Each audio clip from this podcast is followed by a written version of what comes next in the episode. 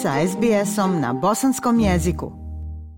Aisha, lijep pozdrav tebi i slušateljima SBS radija. Evo u ovom javljanju izdvojila sam neke od najznačajnijih aktuelnosti koji su obilježili proteklu sedmicu. Dijani Kajmaković, suspendovanoj državnoj tužiteljici Osmanu Mehmedagiću Osmici, bivšem čelniku obavještajno-sigurnosne agencije te njegovoj supruzi Ameli Šehović Mehmedagić, Sjedinjene američke države uvele su nove sankcije. Nove sankcije se uvode kroz zabranu ulaska u u Ameriku. To je objavio State Department u svom izvještaju 11. decembra na njihovoj zvaničnoj stranici. Za Kajmaković State Department navodi da ima značajnog udjela u koruptivnim radnjama. Istaknuto je da je podržavala trgovce narkoticima i e, druge kriminalce, pomažući u skrivanju dokaza, sprečavanju gonjenja i na druge načine podržavala kriminalne aktivnosti u zamjenu za ličnu dobit. Također navodi se kako kako je pokušala blokirati istragu u vezi sa svojim očiglednim kriminalnim saradnicima, uključujući tu i Osmana Mehmedagića Osmicu. A upravo ta odluka stupila je na snagu u Federaciji Bosne i Hercegovine od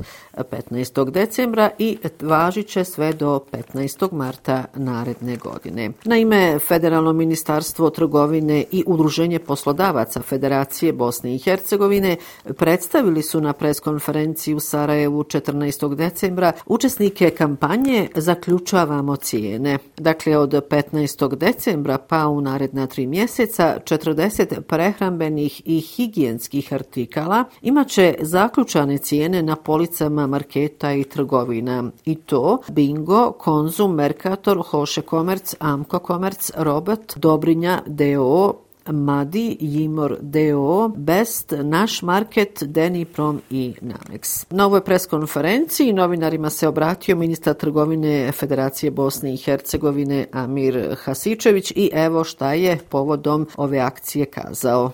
Ovi 40 namirnica koje sad imamo sigurno ne mijenjaju cijenu u iduća tri mjeseca. Sa 15. sutra počinje ova akcija. Jako mi je drago da je već preko 20 značajnih. Kad kažemo značajnih, onda stvarno mislim na ove velike trgovce i kad kažete onda jedan od njih, evo da ne budem ja reklama, ono pošto ima 300 ili 400 prodajnih objekata u, u federaciji, onda to stvarno predstavlja gro. Ostavili smo mogućnost i malim da uđu sa, sa 20 artikala, tako da nastojimo da održimo tu neku konkurentsku vrijednost. E, također novinarima se obratio i predsjednik Udruženja poslodavaca Federacije Bosne i Hercegovine Adnan Smailbegović, koji je kazao da subjekti uključeni u projekat kao i proizvodi sa zaključanim cijenama bit će označeni posebnim logom kampanje. Poslušajte i Adnana Smajlbegovića iz eh, Unije poslodavaca Federacije Bosne i Hercegovine. Ja bih rekao prvo jedne jako dobre saradnje između Ministarstva trgovine i udruženja poslodavaca. Dakle, ove aktivnosti oko, oko ograničavanja marži nešto što je već bilo dugi niz godina na snazi. Dakle, znali smo i vidjeli smo da ne daje dovoljno dobre rezultate i pokušali smo dakle, da osmislimo jedan projekat koji će dati značajno bolji rezultat. Oglasio se i Save samostalnih sindikata Bosne i Hercegovine i u svom pisanom saopćenju između ostalog stoji dobrodošla je svaka odluka koja ide u smjeru olakšavanja života građana koji se mjesecima bore sa teškom ekonomskom situacijom.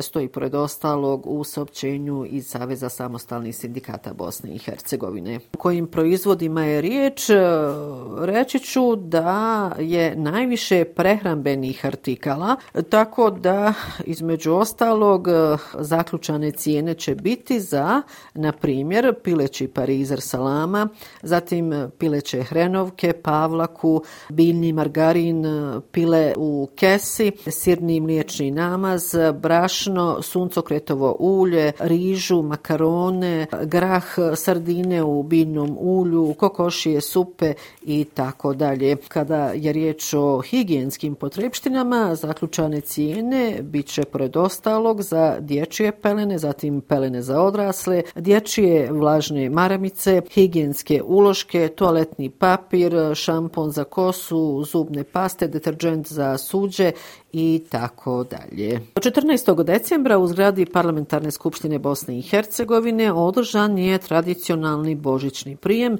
čiji je domaćin bila predsjedavajuća vijeća ministara Bosne i Hercegovine Borjana Krišto. Ovom prijemu su prisustovali brojni zvaničnici, predstavnici političkog, vjerskog, javnog i diplomatskog života u Bosni i Hercegovini. Među gostima su bili i visoki predstavnik Međunarodne zajednice u Bosni i Hercegovini Kristijan Schmidt, ambasador Sjedinjenih američkih država u Bosni i Hercegovini Michael Murphy, šef delegacije Evropske unije i specijalni predstavnik Evropske unije u Bosni i Hercegovini Johan Sattler i mnogi drugi. Ovom prilikom prisutnim gostima obratila se predsjedavajuća vijeća ministara Bosne i Hercegovine Borjana Krišto. Ovo je prilika za sve nas da popravimo svoje nakane i postupke prema drugima kako bismo i dalje nastavili raditi u službi općeg dobra, kazala je pored ostalog predsjedavajuća vijeća ministara Bosne i Hercegovine Borjana Krišto. Evo u nastavku poslušajte šta je još ovom prilikom rekla eh, predsjedavajuća Krišto. Dragi prijatelji, upravo ovo blagdansko ozračje prilika je i za sve nas u Bosni i Hercegovini da se prisjetimo svega onoga što smo zajedno postikli u proteklom vremenu, te da nas to ohrabri i motivira kako bi nastavili i dalje raditi na izgradnje stabilne, sigurne i prosperitetne Bosne i Hercegovine, države ustavno jednakopravnih konstitutivnih naroda i svih drugih koji u njoj žive.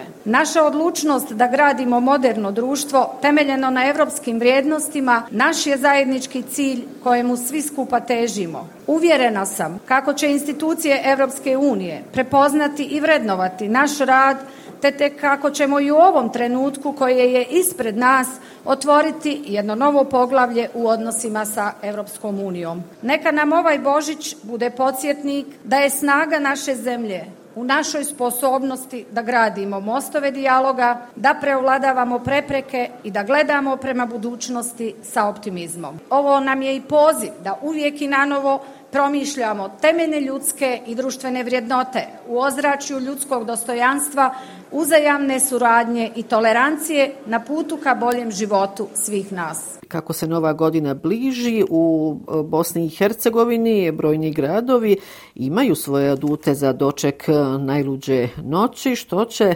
zasigurno privući ogroman broj posjetilaca pa i turista. U Sarajevu, Mostaru i Banjoj Luci, ali i na većini planina, već je e, 99% smještajnih kapaciteta u hotelima rezervisano.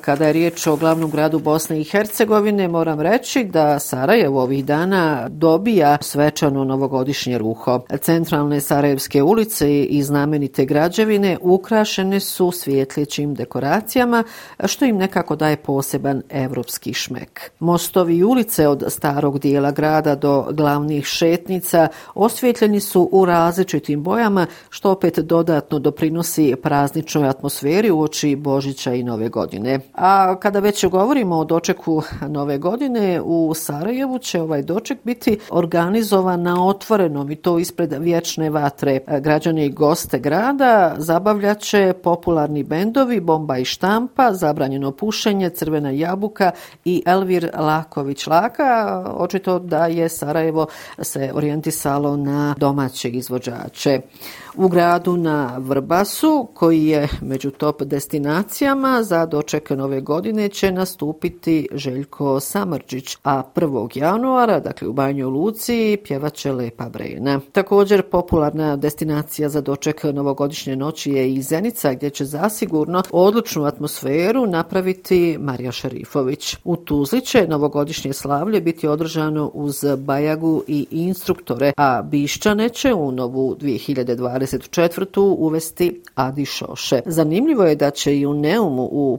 pojedinim hotelima biti priređen doček nove godine gdje se očekuje veći broj gostiju, odnosno turista. I već kad sam kod turista, kanton Sarajevo ove godine bilježi 35% više dolazaka i oko 25% više noćenja u odnosu na isti period lani. Prema podacima turističke zajednice kantona Sarajevo, ovo je rekordna godina kada je riječ o turistima i prešla je do sada rekordnu 2009 2019. godinu. Kada govorimo o statističkim dolascima, tu dominiraju strani gosti koji čine 60% u odnosu na 30% domaćih gostiju. Najviše gostiju bilo je iz Turske, zatim su tu Slovenija, Srbija, Crna Gora, Njemačka, Sjedinjene američke države, Kuvajt i Ujedinjeni Arapski Emirati. Eto, iša ovom informacijom i završavam ovo sedmično javljanje iz glavnog grada Bosne i Hercegovine. Za kraj vam još jednom lijepe pozdrave iz Sarajeva šalje Semre Duranović-Koso.